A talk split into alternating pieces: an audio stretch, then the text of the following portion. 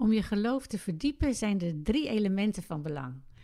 Het ene is gebed, het andere is het lezen en het tot je nemen van de waarheid van de Bijbel. En het derde is het werk van de geest. En daar kijken we nu naar.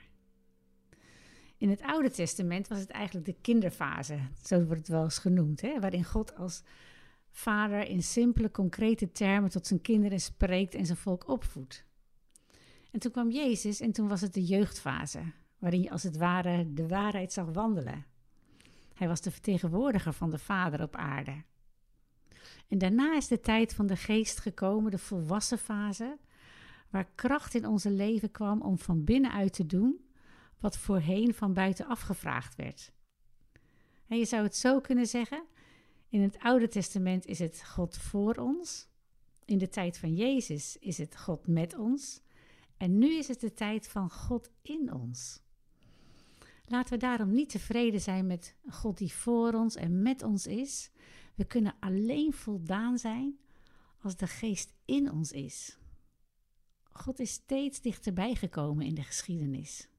God woonde eerst in de heilige tempel, daarna in zijn heilige zoon. En nu woont hij in ons om ons heilig te maken.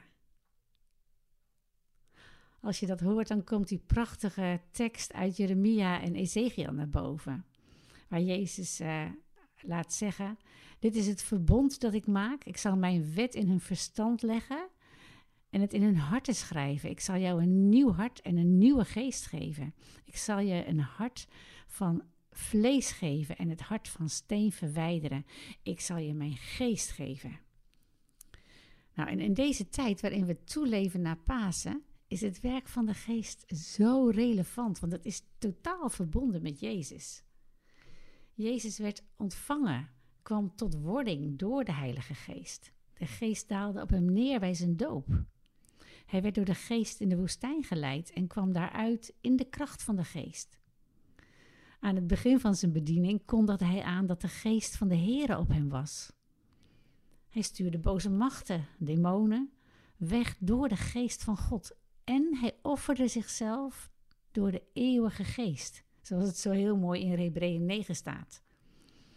De liefde tussen de Vader en de Zoon door de geest slingert als een rode draad door de Bijbel. En hij neemt jou en mij op in diezelfde liefde. Heer, wij prijzen u voor uw offer door uw geest. En we danken u dat u uw geest gegeven heeft om niet alleen om ons heen te zijn, maar echt in ons te wonen. Heer, dat is een wonder waar we ja, stil bij staan en de adem bij inhouden. Heer, leer ons steeds meer zien hoe u in ons werkt en hoe we kunnen groeien in een leven heel dicht bij u. In Jezus' naam.